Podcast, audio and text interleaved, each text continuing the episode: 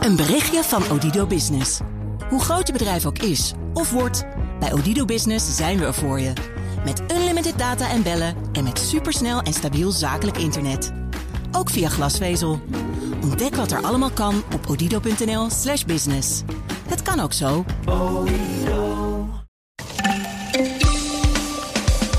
Het gaat nog altijd mis als je je geld terugvraagt voor een voucher na een geannuleerde vlucht. Nu blijkt dat als je al je geld terugkrijgt, boekingssites vaak administratiekosten in rekening brengen. Terwijl dat niet mag. Wie lading heeft aan boord van de Ever Given, dat schip dat vastzat in het Suezkanaal, moet waarschijnlijk meebetalen aan de bergingsoperatie, aan reparaties aan het schip en een mogelijke schadeclaim van de Suez Canal Authority. En Coolblue stelt zijn beursgang uit tot na de zomer. Onder andere omdat de CFO met zwangerschapsverlof gaat. Dit is Nieuwsroom, de dagelijkse podcast van het Financiële Dagblad en BNR Nieuwsradio. Met het nieuws verteld door de journalisten zelf. Ik ben Mark Beekhuis en het is vandaag maandag 12 april. Hallo Jan Braksma.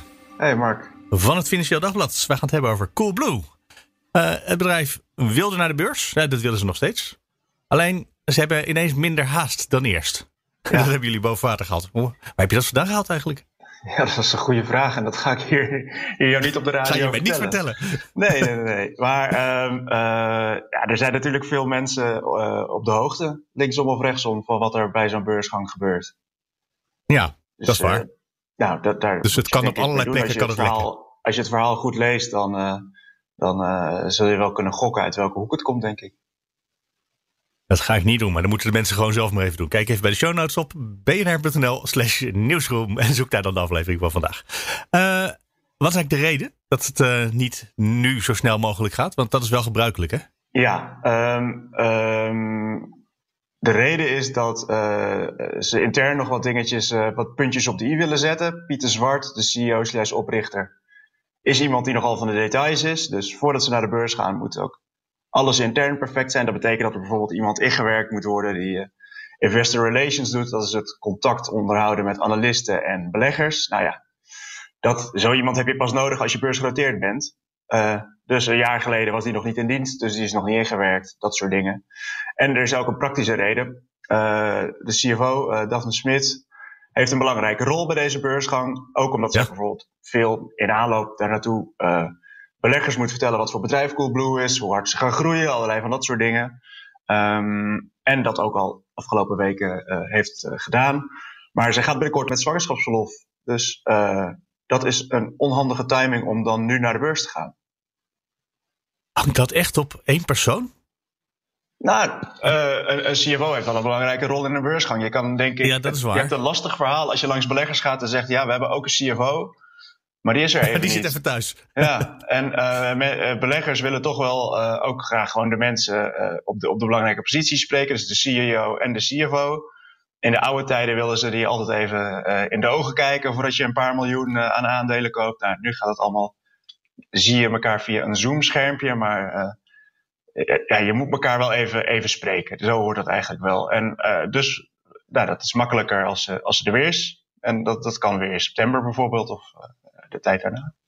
Ja, precies. Het wordt uitgesteld, maar het wordt niet, uh, niet op de lange baan geschoven. Het is iets wat na de zomer misschien wel gebeurt. Ja, het, gaat, uh, het, het, plan is nu, horen wij, dat het na de zomer, dus het najaar, uh, gaat gebeuren. dus, dus als iedereen weer terug is van vakantie, dan, dan zullen zij wel weer rondjes langs beleggers gaan maken. Dus wij rekenen zo uh, vanaf september moeten we weer gaan, uh, gaan opletten. En normaal gesproken doe je dit toch juist als je een keer besloten hebt, doe je het zo snel mogelijk. Want anders uh, kan alle, dingen kunnen misgaan in, ja. de, in de maanden. Alles kan is misgaan. Dat bij de beurs anders? De beurs staat nu zo hoog als wat. Wat is 700 punten? All-time ja. highs. Dus wat dat betreft is het een heel goed moment om, om nu te gaan. Um, ja, er kan ook een, een nieuwe virusvariant ontdekt worden. Voor je het weet zitten we weer met z'n allen nog langer in lockdown. Oh, maar uh, dat is misschien voor veel... Coolblue juist handig. Precies. Want dan en, thuis. En ik denk dat dat ook wel een verschil is met een, een normaal bedrijf. Um, ja, ze hebben natuurlijk wel het risico van uh, uh, dat het slecht gaat op de beurs. En, en de beurs 20% omlaag gaat, dan zal Coolblue waarschijnlijk ook 20% minder waard zijn. Maar blijkbaar is dat een risico dat ze wel durven te nemen. En uh, ze hebben het afgelopen jaar heel goed gedaan. Uh, dus toen wij uh, met z'n allen moesten gaan thuiswerken, zijn we ook met z'n allen gaan webwinkelen. Want ja, ging toch niet meer zo heel erg lekker die, de winkelstraat in. In ieder geval in het. Ja, ik kijk ook nu naar jou op een scherm, op een monitor, die ja. bij Coolblue vandaan komt. dus dit klopt wel, dit herken ik wel. Daar ga je al. Ja. Precies, en mensen waren altijd thuis, dus je kan ook gemakkelijker pakketjes thuis laten bezorgen. Nou, noem maar op. Um, dus dat hebben ze best goed gedaan. En uh, als ze nu nog een, uh, niet alleen het goede 2020 kunnen laten zien aan beleggers, maar ook de goede eerste helft van 2021. Want ja, afgelopen maanden, je zegt het al, we kijken weer naar elkaar via een scherm in plaats van in de, in de studio. Het is nog steeds vorig jaar wat dat betreft. En uh, ja, zij draaien dus nog steeds ook als een tierenlier. Dus als je ook nog met die goede cijfers naar beleggers kan, dan heb je misschien nog wel een sterker verhaal dan als je dat nu zou doen en je hebt die cijfers nog niet. Ah, dan weten de beleggers toch wel. Die weten toch wel dat het dit jaar hartstikke leuk is en dat volgend jaar iedereen weer uh, pandemievrij lekker naar het werk gaat. En dat dan de pakketjes uh, tuurlijk, beleggers, zo makkelijk bezorgd worden. Beleggers zijn ook niet gek, maar het is toch fijn als je cijfers hebt die op papier zijn en staan, een track record hebt. Uh, die, dus ze laten zich ook graag overtuigen door gewoon historische cijfers. En dat is altijd makkelijker als je iets al gepresteerd hebt dan als je zegt: Dit gaan wij allemaal doen, dan moet het nog maar uitkomen. Wat kost het eigenlijk? Als ik straks aandelen in dit prachtige bedrijf zou willen kopen? Ja, dat is een goede vraag. Um, ze kijken vaak naar wat, wat de concurrentie waard is. Dus bijvoorbeeld in Polen is een, is een webwinkel genoteerd en nog een paar andere bedrijven die je zou kunnen ehm, zou kunnen kijken. En dan kom je ergens uit rond de 3 of 4 miljard. Nou, als je wat optimistischer bent, hebben we wel gehoord dat er ook over 5 tot 6 miljard wordt gesproken. Dus dat is een flink, uh, flink bedrijf waarmee je wel in, in, volgens mij ben je dan een, een serieuze midkapper. Ja, ze doen dat er ook altijd in een aantal keren de jaaromzet. Ja. Is dat nog een redelijk, uh, redelijk bedrag dan, die 6 miljard? Ja, dat is ongeveer drie keer de jaaromzet van vorig jaar. Dat is wel vrij agressief. Maar kijk, uh, uh, eh, 3 tot 4 miljard is, is wat we het, uh, is misschien iets realistischer. Maar ja, je moet natuurlijk hoog inzetten als je zo'n bedrijf probeert te verkopen. Alles, alles, als je nu al zegt uh, eh, 3 tot 4, dan wordt het nog een beetje afgesnoept door die beleggers, kom je wat lager uit. Dus je moet het waarschijnlijk ook wat hoger inzetten. Die 6 moet ook een beetje rondcirkelen, zodat mensen dat Precies, niet meteen naar 2,5 Dan lijkt 4 ineens heel goedkoop. Als je net maandenlang hebt geroepen, geroepen dat iets ja, precies. 6 miljard kost. En um, daarvan gaat ongeveer de helft nou ja, ze gaan niet meteen alle aandelen verkopen. En, en maar uh, het bedrijf is voor de helft in de handen van Pieter Zwart, de CEO slash, uh, slash oprichter. Een deel heeft de rest van het management. En uh, Hal, ook de eigenaar van de FD Media Groep, heeft ook bijna de helft van de aandelen. Aha. Dus, die, dus als het een beetje goed gaat, dan kunnen we binnenkort een paar extra pagina's bij de krant maken. ja, ik weet niet, ik weet niet of ze er bij Hal ook zo over denken. Nieuwe podcaststudio voor jou. Nee, een nieuwe podcaststudio, ja lekker. Ik, ik, denk dat het niet zo gaat, maar het bedrijf, het bedrijf staat voor uh, uh, 250 miljoen in de boeken bij. Uh, oh, serieus? Dat is echt een heel. Dat is een schijntje. Ja, in vergelijking dus, met die 4 miljard. Ja, precies. Ja, de, daarvoor is ongeveer de helft voor Hal. Dus stel dat het 4 miljard wordt, dan is het belang van Hal bijna 2 miljard waard. Dat betekent dat ze er een kwart. Flinke boekwinst op, op zullen gaan maken. Ja, een factor 8 scheelt dat. Ja, precies. Nou, dus, uh, zij, zullen, zij, zij zijn waarschijnlijk ook de partij die iets van de aandelen gaat verkopen. De CEO blijft uh, de grootste aandeelhouder, heeft hij in een, in een video in uh, eind februari beloofd. Aha. Um, ook om te laten zien dat hij nog heel erg lang aan boord wil blijven. Want dit soort techbedrijven gaan toch vaak over de mensen ook. Um, en ja, als, als die man belooft dat hij heel lang aan boord blijft, vinden beleggers altijd fijn skin in de game heeft. Dus, ja, precies. Dat hij zelf ook een groot aandeel, houdt. Coolblue vindt het altijd heel erg belangrijk dat de klanten ze leuk vinden. Helemaal die hele vrolijke dozen met vrolijke opschriften als je een pakje bij ze bestelt. Ja. Um, gaan, ze, gaan ze ook iets doen met de, de, gewone klanten? Dat die aandelen kunnen kopen of zoiets? Of is het echt puur voor de grote beleggers? Nou, dat weten we nog niet. Maar in eerste instantie wordt er altijd gepraat met de, de beleggers die grote stukken kunnen, kunnen kopen. Dus die een paar miljoen kunnen inleggen. Maar uh, uh, het is in Nederland best gebruikelijk dat ook particuliere beleggers een klein deel van die aandelen die verkocht gaan worden toegewezen krijgen. Um, bijvoorbeeld bij ABN AMRO gebeurde dat. En het zou best kunnen, Coolblue kennende, dat ze daar misschien ook wel een, een, een deel voor reserveren. De laatste die dit deed was Deliveroo in Londen. Nou, die beursgang ging, dat ging was een beetje, dus beetje jammer. of dat nou een heel erg lekker voorbeeld is. Omdat, uh, ja, nee, World Online heeft ook zoiets gedaan. En daar ging het natuurlijk ook heel erg anders ja, precies. Uh, dan je gehoopt had. Er zit ook een risico in. Je kan je klanten nog blijer maken of uh, kan denken, nu heb ik niet alleen mijn pakketje een dag te laat, maar heb ik ook nog geld verloren. Dus dat, dat is een, een dun lijntje. We zijn er denk ik hè? Ja. Want ik mag je niet vragen, vind je het een goed idee om erin te investeren? Nee, ja, dat mag jij wel vragen, maar ik heb geen flauw idee. En als, als ik het zou weten, dan mocht ik het niet op de radio zeggen, want dan zou ik beleggingsadvies gaan geven. Dat bedoel ik. Jan Braaksma, dankjewel.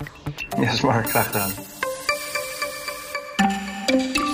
Hallo, Pieter Lokens. Goedemorgen, Mark. Van het Financieel Dagblad. We gaan het hebben over dat hele grote schip, de Ever Given. Wat een tijdje lang uh, dwars in het Suezkanaal lag. Wat inmiddels uh, vlot getrokken is. En uh, is het al in Rotterdam eigenlijk inmiddels? Nee, nee, het is nog steeds niet in Rotterdam. Volgens mij ligt het nog steeds in de grote bittermeren. Dus halverwege het Suezkanaal. En al die mensen die dus containers aan boord hebben, die hebben die vracht in de containers ook nog steeds niet.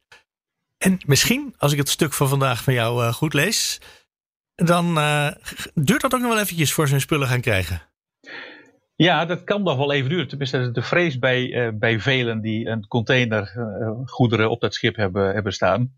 Want um, ja, het, er kan natuurlijk een soort steekspel ontstaan tussen verschillende partijen die met zo'n schip gemoeid zijn. Hè? Dus dat, dat is de eigenaar, een Japanse eigenaar. De gebruiker, dat is de Taiwanese rederij Evergreen. En dan heb je natuurlijk nog de Suez Canal Authority, de kanaalbeheerder. Die hebben allemaal wel wat te eisen. En um, sommige van de, de, de, de ladingeigenaren zijn bang dat, um, dat al die afwikkeling van die claims dat dat nog wel enige tijd gaat duren. Dat ze nog uh, geruime tijd moeten wachten op, uh, op die lading voordat die eens een keer vrijgegeven wordt. Dus dat is een je zou, je de, zou denken, de, sleep die containers zo snel mogelijk overal heen, want dan kan iedereen weer door. En dan uh, lossen we de rekening achteraf wel op. Maar zo gaat het niet. Nee, er wordt natuurlijk ook nog geïnspecteerd. Ten eerste het schip geïnspecteerd op, op schade. En ja. daarnaast is het natuurlijk ook nog steeds een, een onderzoek gaande naar um, naar de oorzaken van, eh, van het vastlopen, de stranden van dat schip. Ja. Maar ook die inspectie van, dat, van het schip zelf neemt tijd in beslag. Maar het, nou, hij ligt daar nu al, denk ik, al ruim een week, tien dagen. En ja, we weten eigenlijk niet wanneer, de, wanneer die verder kan varen. Wanneer hij dus in een haven aankomt om die containers te, te lossen. Want als je dat ter plekke moet doen, dan, ja, dan moet je daar kraanschepen naartoe brengen. En dat gaat nog veel meer tijd kosten. Dus iedereen zit toch te wachten van, ja, wanneer gaat hij nou zijn haven binnenvaren? En dan komen er nog nieuwe kosten bij, waar misschien nog niet iedereen buiten de uh, rederijwereld aan gedacht had. Die kosten heten averij gros. Ik had er nog nooit van gehoord. Wat zijn dat voor kosten? Nee, dat is weer onderdeel van, uh, van een claim. Zoals er meerdere claims zullen, zullen komen over en weer. Dit is de claim van de scheepseigenaar op de ladingeigenaren. Uh, om mee te betalen aan de berging van het schip. Uh, dat is zo oh. geregeld in het zeerecht. er zijn allerlei verdragen in, het, in het zeevervoer, zeg maar. ben ik achtergekomen dat er nogal wat zijn. Het verdrag van Londen, de York-Antwerp Rules. Nou ja, er zijn er nog wel een enkele verdragen. En dit is, uh, uh, de averij gros is al een hele oude term. Het is al heel oud zeerecht. Waarbij dus ladingeigenaren en scheepseigenaren samen opdraaien voor, ja, in dit geval ook de redding van schip en lading. Dus dat is, dat is zo, zo geregeld. En dan moeten ze dus naar rato, naar, waarde, naar de waarde die ze op zo'n schip hebben staan, moeten ze bijdragen aan die bergingskosten. Dus je denkt, ik uh, heb gewoon een vast tarief afgesproken voor de verzending van deze container. Maar dan blijkt het als het schip aan de grond loopt en het moet uh, geborgen worden. Dan komen de kosten bij. En dan komen die kosten voor rekening toch weer van de container-eigenaren. Van de, van de lading-eigenaren, ja. Van de ja, lading-eigenaren, en, en, ja. En, en, van de scheepseigenaar. Uh, mm -hmm. ja, het is een, een gemeenschappelijk belang om dat schip vlot te trekken en naar een haven te krijgen. Ja, natuurlijk. Ja, en uh, uh, ja, dat is maar zo... ja, je hoopt, dat, je, je hoopt toch als je, je, je stopt je spullen in die container, dan hoop je dat, dat, uh, dat daar een goede kapitein op zit. Ja. En dan ga je ervan uit dat die rederij er allemaal verantwoordelijk voor wordt. Maar dat is dus niet zo. Die verantwoordelijkheid hou je toch zelf? Nee, het heeft natuurlijk ook wel te maken met het zeevervoer, het zeetransport heeft heeft nogal eens te maken met uh, uh, allerlei natuurverschijnselen, natuurgeweld, ja. zeg maar. Dus het is uh, minder voorspelbaar dan bijvoorbeeld het vervoer over, over de weg. Hè? Dat, is, dat daar iets door weersomstandigheden gebeurt, die kans is toch een stuk kleiner. Dat is in het, van oudsher in het zeetransport natuurlijk veel sterker het geval. Dus ik denk ook dat vele helemaal niet weten wat averij gros is van de ladingeigenaren en zich daar ook niet voor of tegen verzekerd hebben. Dus dit gaat voor sommigen nog een onaangename verrassing teweeg brengen. Ja, dan heb je misschien een dure lading toevallig aan boord van dat schip zitten. Dan krijg je nog een hoge rekening straks ook. Voor je je container mee mag nemen. Ja, nee, dat klopt. Dat klopt. Er zijn nu lijsten verstuurd uh, uh, van een gespecialiseerd bureau. Die gaat nu inventariseren wat voor waarde er uh, aan boord van het schip zit. En wat er in elke container voor waarde zit. En dan moet er nog bepaald worden, ja, wat zijn dan de bergingskosten? Dat is natuurlijk ook nog een, waar we het net al over gehad hebben, over die claims. Hoe hoog zijn die bergingskosten? Wat wordt er allemaal bijgeteld? En als de schade aan het schip is, moet dat er ook nog bijgeteld worden. Want dat moet eerst gemaakt worden om het schip verder te krijgen. Daar hebben ook de lading-eigenaar een belang bij. Dus uh, de hoogte daarvan is nog onbekend. Dus dit kan nog wel even duren voordat dit uh, duidelijk gaat worden. En... Maar serieus, zei je nou dat de scheepsreparatie, die misschien wel nodig is, dat die voor kosten van de lading-eigenaar ook weer komt? Ja, ik ga, ik ga nooit iets durven verzenden met een, uh, met een container als je dit soort dingen hoort. Nee, je wordt, er zit meer risico aan vast dan je zou denken. En vele gaan natuurlijk 99 van de 100 keer gaat het allemaal goed. Maar het kan af en toe gebeuren dat er wel iets met zo'n schip gebeurt. En dan moet je wel van doordrongen zijn. Ik denk dat veel ladingeigenaren of verladers, de mensen die spullen laten vervoeren, daar ook denk ik helemaal niet naar kijken. Van wat, hoe ben ik nou daar uh, goed verzekerd? Of, uh, en dat, dat speelt vaak bij velen een, een ondergeschikte rol. Maar het is toch verstandig om daar naar te kijken. Hoeveel containers stonden er ook weer aan boord? Er is ruimte voor 20.000 teu, zoals het heet. En teu staat voor 20 foot equivalent unit. Dat is dus gewoon een 20 voets container. Dat is de oude standaardmaat. Dus er kunnen 20.000 van dat soort kleinere containers aan boord staan. Het zullen er in het aantallen minder geweest zijn, omdat je natuurlijk 40 voets containers hebt, die tellen voor twee. Dus eh, ja, daar staan, ik denk, tussen de 15 en 20.000 of uh, 15 en 20.000 containers aan boord, denk ik. Dus het, zal, het zullen minder dan 20.000 zijn. Ze zijn nooit helemaal volledig beladen. Maar 15, 16.000 containers zullen het al snel zijn, denk ik. Oké, even het rekenmachientje erbij. Stel je nou eens voor dat het een miljoen gekost heeft, die, uh, die week stil liggen en alles.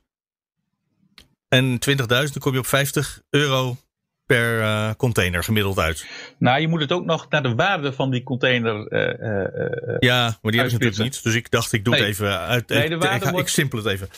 Ik deed voor het gemak even, omdat ik dat snel kon uitrekenen, een miljoen. Ja. Maar ik lees in het stuk bij jou dat er 25 tot 50 miljoen uh, euro voor uh, staat ja, voor waarschijnlijk. De, voor die berging, dat, is, dat wil Boskalis verder niets over zeggen. Die heeft alleen maar over zijn eigen kosten, niet over de beloning.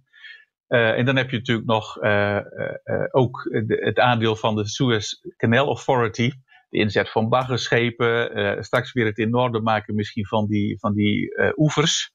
Die, waar natuurlijk baggerschepen zand en bodem hebben weggezogen dat moet misschien allemaal weer hersteld worden. Ik weet niet wat die ja. Suez Canal Authority daar allemaal voor rekent en wat daar dan bij komt. Er zullen ongetwijfeld ook weer um, rechtszaken over gevoerd gaan, gaan worden.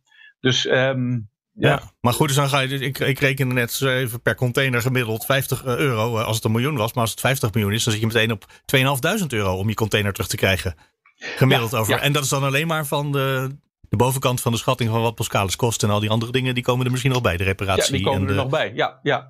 Uh. Ik, die advocaat had het erover dat bij de vorige keer, 2018, een, een Maersk-schip in brand vloog. En dat toen zoiets van uh, 11,5% van de waarde uh, bijgedragen moest, uh, moest worden. Ja, voor sommigen is dat misschien ook de marge die je maakt op bepaalde spullen, bijvoorbeeld. Hè? Het zijn serieuze kosten. Het zijn serieuze kosten, ja. ja, ja. ja. Kan je nog zeggen, weet je, uh, hou die container maar, dus ik, ik, laat het zitten? Nou ja, je kunt natuurlijk, als je niet verzekerd bent en je draagt ook niet bij in, je, in de waarde van, um, de, je doet je bijdrage niet, zeg maar, wat je zou moeten doen om die container vrij te krijgen, dan kan je, zou je kunnen zeggen van, nou ja, ik het is mij uh, te veel gedoe. Ik, ik heb geen zin om te betalen. Ik haal die, haal die lading gewoon niet, niet af. Dat kan, dat kan. Dan abandoned cargo heet het dan, heb ik me laten vertellen. Dus dan, dan blijft hij ergens staan. dan, en zeker dan wordt hij op een gegeven moment bij opbod ergens verkocht een keer. Ja, ja, ja, ja nee, precies. precies. Dus um, nee, er kan nog... Um, er moet nog een hoop administratief werk worden verricht om dat allemaal in kaart te, te brengen. Pieter Locus, dankjewel. Oké. Okay. Hallo, Michal van der Toorn van BNR Nieuwsradio. Hoi Mark. We gaan het hebben over de vouchers. Dat is iets wat al uh, nou, sinds het begin van de coronacrisis ons bezighoudt. Mensen die vliegtickets of uh, vakanties geboekt hadden. En dachten, nou dan krijg ik mijn geld wel weer terug. Ja, nou dat hebben ze dus in sommige gevallen nog steeds niet. En dat was toch inmiddels opgelost? Iedereen zou toch zijn geld gaan terugkrijgen nu? Ja, ja dat hebben de toezichthouders wel gezegd. ILT, dat is de Inspectie Leefomgeving en Transport. En ACM, uh, die zeggen dat je, Consumentenmarkt. Ja, precies. Die zeggen dat um, de ja, passagiers recht hebben op al hun geld terug. Uh, maar dat blijkt niet te gebeuren. Um, en dat was een jaar geleden al. Een jaar geleden had je al recht op al je geld terug. Ja. Uh, staat gewoon in de wet. Dus maar nu echt. maar, maar, nu echt. Okay. Natuurlijk waren er eerst verzachtende omstandigheden net in de coronacrisis. Maar dat is nu toch al meer dan een jaar bezig. Um, en het gaat dan met name, ik heb in ieder geval gekeken naar als je een voucher hebt gekregen van een boekingssite. Ja, dan mocht je die na een jaar ook teruggeven alsnog, hè? Ja, ja, precies. En dat jaar is nu zo'n beetje om voor de eerste boekingen. Dus dat moet nu echt uitbetaald worden. Ja, ja precies. En um, nou, ik, volgens mij was ik in november ook al bij jou. En toen was het ook niet zo. En nu nog steeds niet. En ik vroeg me af hoe dat nou weer kan. Um, Want we hebben toch inmiddels een fonds voor uh, vouchers, dat de ja, overheid dat voorschiet? Nou, precies. Uh, het voucherfonds geldt alleen, uh, alleen maar voor pakketreizen. dat is een terugkerend probleem dat die pakketreizen eigenlijk heel erg beschermd zijn en um, losse vliegtickets niet. Um, en nou ja, nog steeds duizenden. ik heb dus gebeld met claimbureaus um, EU-claim, AVI-claim. Dat zijn van die plekken waar je terecht kunt als je vlucht is vertraagd. Of dus als je je geld niet terugkrijgt. En die zeggen dat ze nog steeds nou, duizenden meldingen hebben van mensen die nog steeds hun geld niet terugkrijgen. Uh, en dat zijn dus wel mensen die ja, bijvoorbeeld dus een ticket hebben geboekt in maart vorig jaar. Um, en dat komt dus eigenlijk omdat uh, de claimbureaus of de boekingsites en de airlines naar elkaar wijzen. Um, mm -hmm.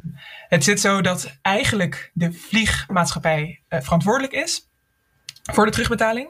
Ja. Um, dus in principe zou je je geld van hem terug moeten krijgen. Maar de vliegmaatschappij wijst dan naar de bookingsite omdat je bij hen dat ticket hebt gekocht. Um, dat mogen ze niet doen, maar dan doen ze toch. Ja, precies. En het Wat is ook een wel nare zo... bedrijven zijn dat. Zijn dat die bedrijven die wij met heel veel miljoenen steun overeind houden? ja. Oké. Okay. Uh, maar en, en, dus, en in sommige gevallen hebben de vliegmaatschappijen wel betaald aan de bookingsite, maar dat blijft dan soms daar liggen. En dat zorgt gewoon voor een heel onduidelijk, onduidelijke situatie.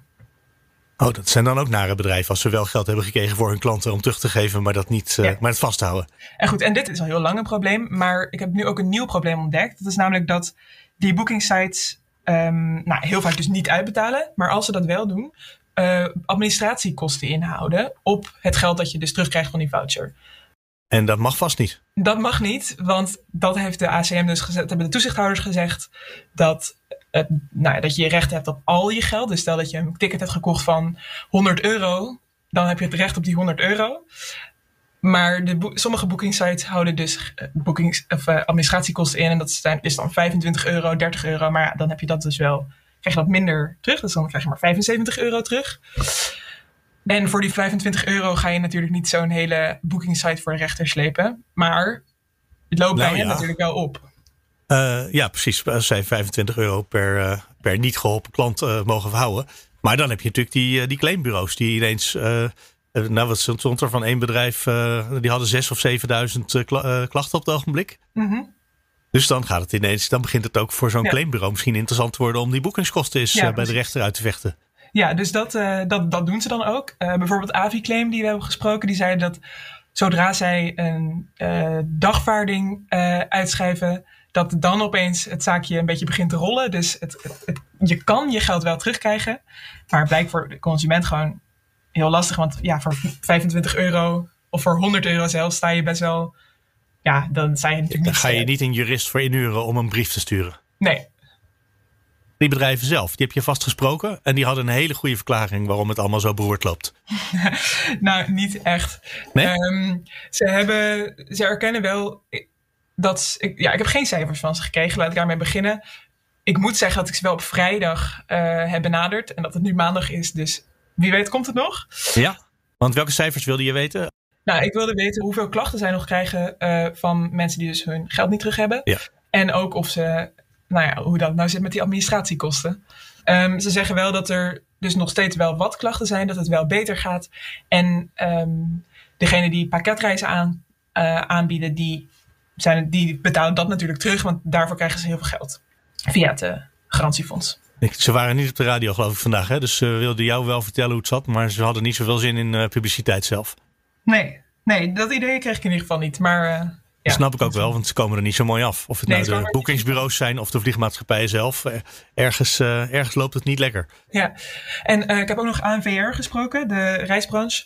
En die zei wel, um, je moet wel erkennen dat de sites, die boekingsites wel te maken hebben met heel veel airlines. En ook uit het buitenland. en dan is de wetgeving anders. Dus dat moet je ze wel geven. Aan de andere kant, dat is natuurlijk waarom ze bestaan. Dat is hun werk om juist al die verschillende ja. airlines en booking sites te, of uh, verschillende airlines te kunnen overzien. Maar en ik denk, ik, ik vroeg me ook nou af, wat, hoe krijg je nou wel je geld terug? Want al dit, deze problemen, ja, het is mm -hmm. goed leuk, maar ik wil gewoon mijn geld terug.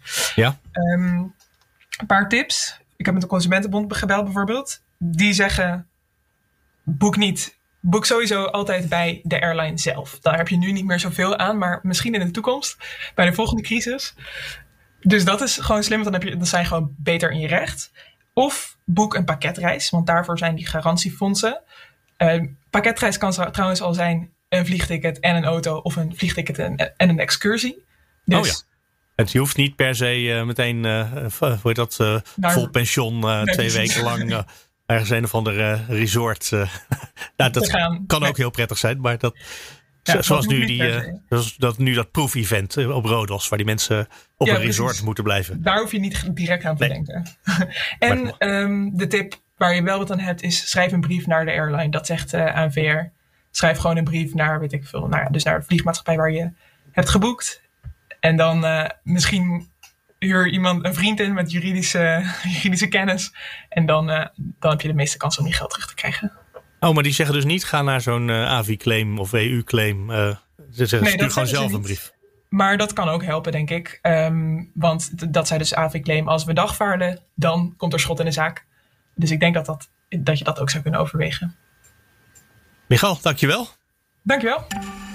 Dat was hem voor vandaag. Kijk vooral nog even bij de show notes. Die vind je op bnr.nl slash nieuwsroom. En als je wil reageren, mail naar nieuwsroom.bnr.nl of nieuwsroom.fd.nl. En dan pak ik nog even een mailtje van begin vorige week uit de mailbox. Die mail kwam van Evan. En Evan was helemaal blij toen we het vorige week over de AVG hadden. Dus over de Europese privacywetten. En Evan schrijft dat hij het gesprek hoorde en toen nieuwsgierig werd in hoeverre wij ons eigenlijk aan de AVG houden. Op onze website bnr.nl. En zijn conclusie is: nee, dat is niet het geval, hoewel we wel aardig in de buurt komen. En volgens Evan zit dat erin dat het net zo makkelijk moet zijn om toestemming af te wijzen als het is om toestemming te geven. En dat is op het ogenblik niet het geval. Nou, de meeste mailtjes die binnenkomen, die hebben te maken met journalistiek. Of jij vindt iets en wil dat heel graag laten weten over het onderwerp. Dus dan kan ik zelf makkelijk antwoorden. Maar in dit geval moest het even via de product owner van het merk BNR. En dat is maar goed ook, want in het antwoord wat Menno van Bohemen in dit geval gestuurd heeft, staan woorden die ik nog niet kende. Zo blijken wij een consent management platform te hebben op onze website. Dat is dus gewoon dat schermpje waarop je ja, ik vind alle cookies oké uh, aan kan klikken. En natuurlijk antwoordt Menno dat wij in elk geval denken dat we wel aan de AVG voldoen. Maar, en dat is de reden waarom het toch interessant is om dit mailtje er nog even bij te pakken. Omdat wij zien, schrijft Menno van Bohemen terug aan Evan. Omdat wij zien dat de CMP niet erg gebruiksvriendelijk is. Zijn we continu op zoek naar verbeteringen. Zo zijn we nu aan het kijken of we onze digitale advertenties volledig cookieloos kunnen laten draaien. Volgens de techniek die is beschreven in De Technoloog, die podcast, aflevering 208. En daarmee zou dan de cookie-toestemming een stuk eenvoudiger en transparanter kunnen worden. Hopelijk gaan we hier in het komende jaar stappen in zetten. Wil je ook reageren? Mail dan naar nieuwsroom.bnr.nl of nieuwsroom.fd.nl. Dan zijn we er morgen weer. Graag tot dan.